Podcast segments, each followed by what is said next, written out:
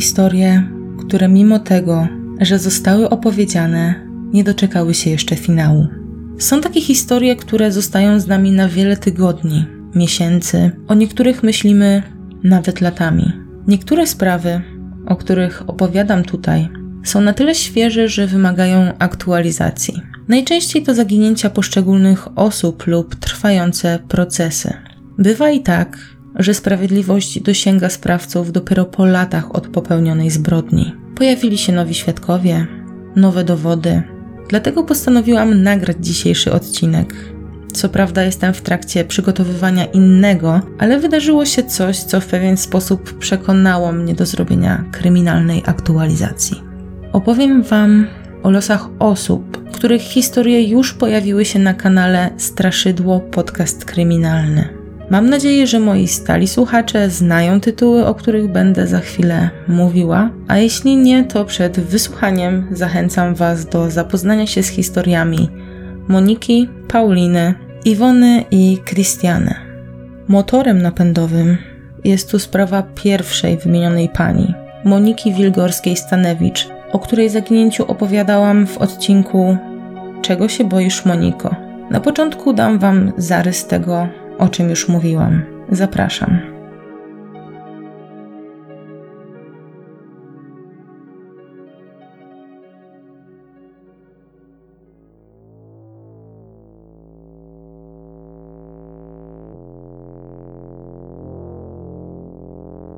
Monika.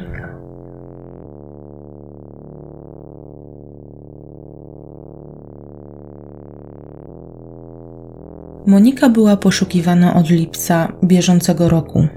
Rodzina oraz były partner apelowali o pomoc w nagłośnieniu sprawy.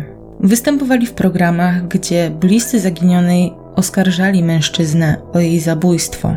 On natomiast oprowadzał dziennikarzy po swoim domu, gdzie wciąż znajdowały się rzeczy kobiety oraz opowiadał o ich ostatnim spotkaniu. Po nim Monika zaginęła. Mariusz był w gronie podejrzanych, było wiele alarmujących sytuacji, jednak brakowało dowodów. Mężczyzna to wpływowy przedsiębiorca spod Częstochowy. Jak się okazało, nie był tak niewinny, jak wcześniej próbował wmówić to dziennikarzom i przez to praktycznie całemu społeczeństwu.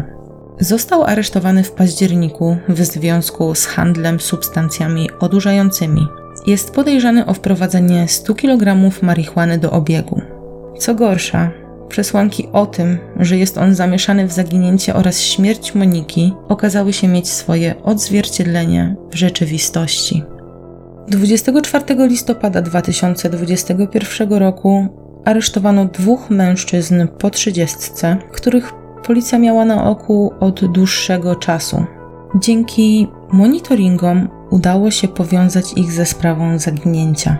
To oni są prawdopodobnie odpowiedzialni za pozbycie się dowodów takich jak samochód Moniki. Udało się ich również powiązać z Mariuszem P.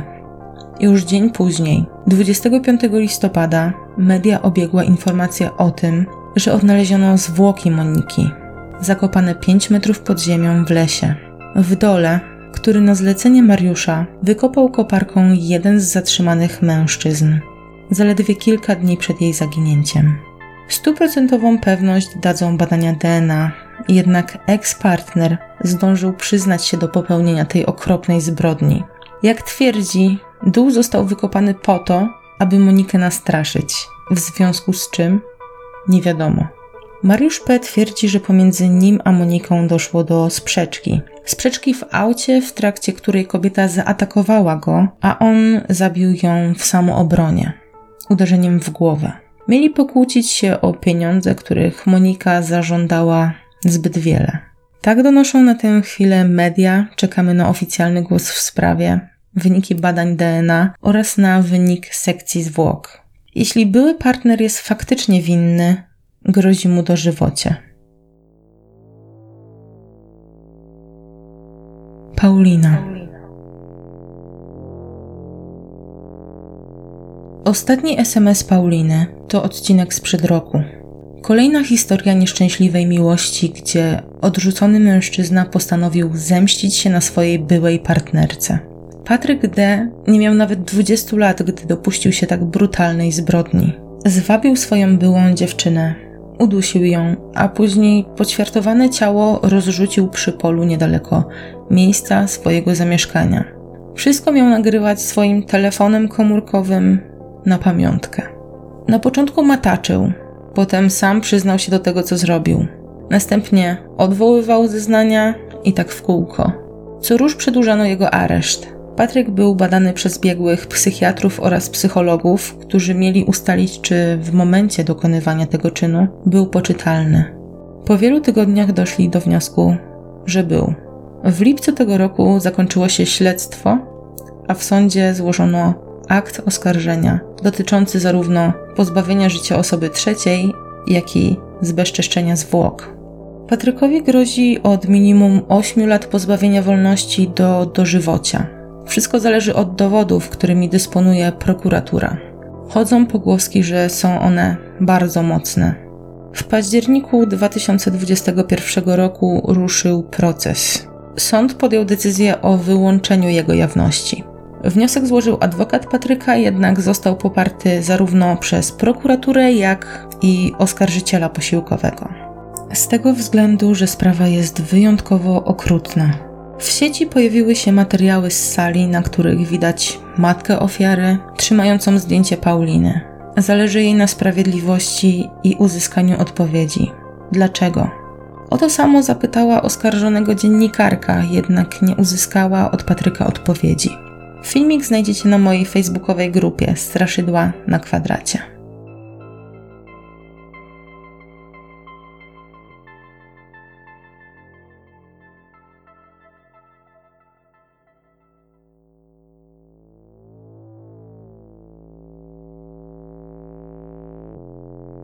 Iwona.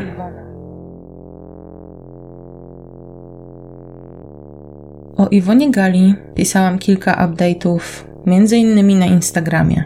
Kiedy nagrywałam odcinek, był już podejrzany, ale było tak mało dowodów, że nie przypuszczałam, że zostanie on skazany.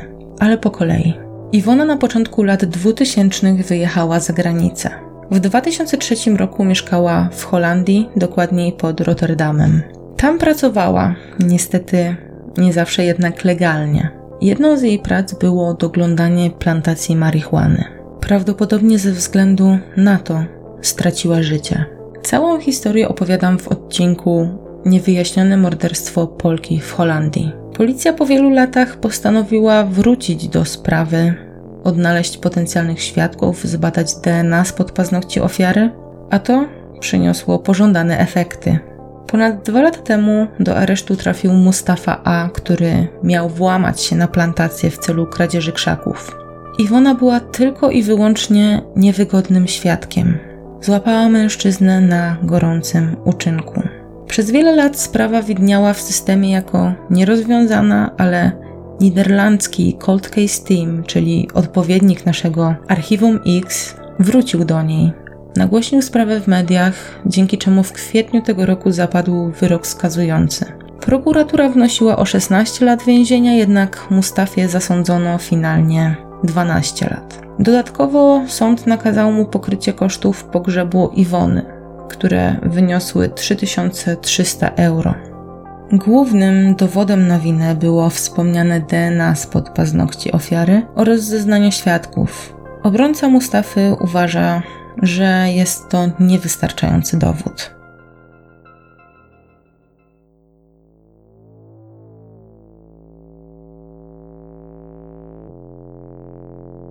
Christiane.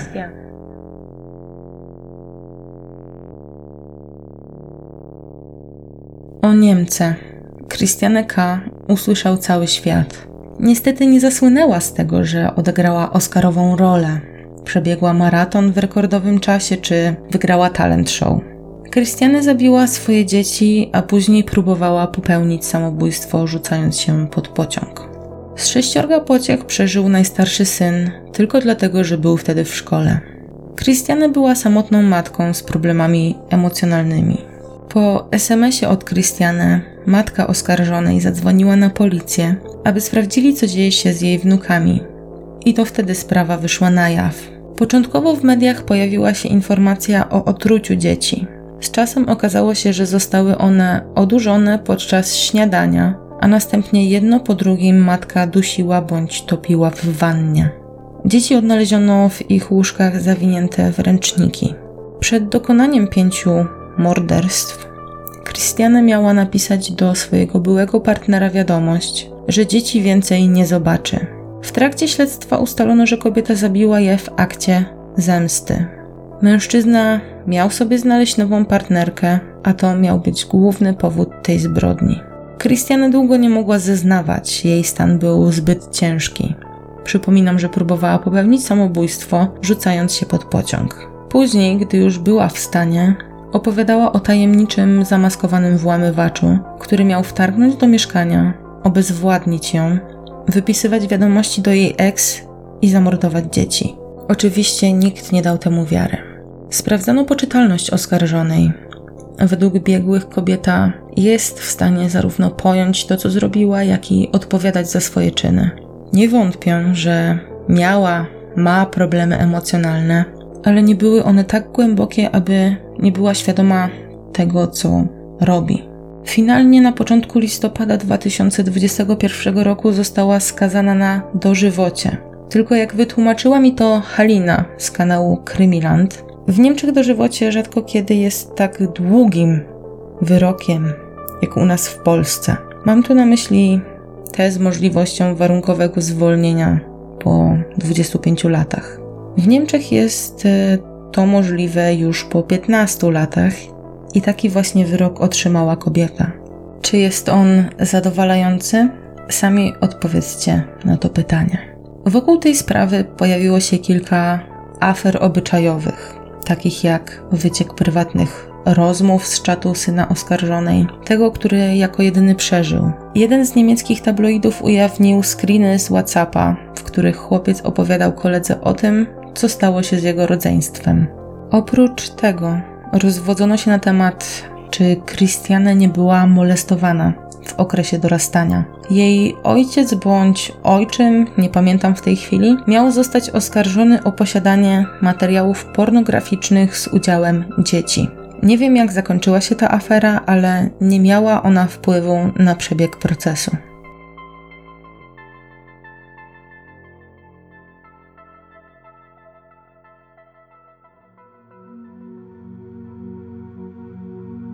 I to już jest koniec tego odcinka. Tak jak mówiłam, nie jest to standardowy materiał, a jedynie uzupełnienie poprzednich odcinków. Jeśli jesteście ciekawi kolejnych aktualizacji, zachęcam Was do obserwowania mojego Instagrama straszydło podkreślnik podcast, na którym zamieszczam posty dotyczące spraw, które omawiam oraz na grupę. Tam też wrzucam uzupełnienia. Dziękuję każdemu, kto dotrwał do końca. Życzę Wam wszystkiego co dobre. Trzymajcie się ciepło. Papa. Pa.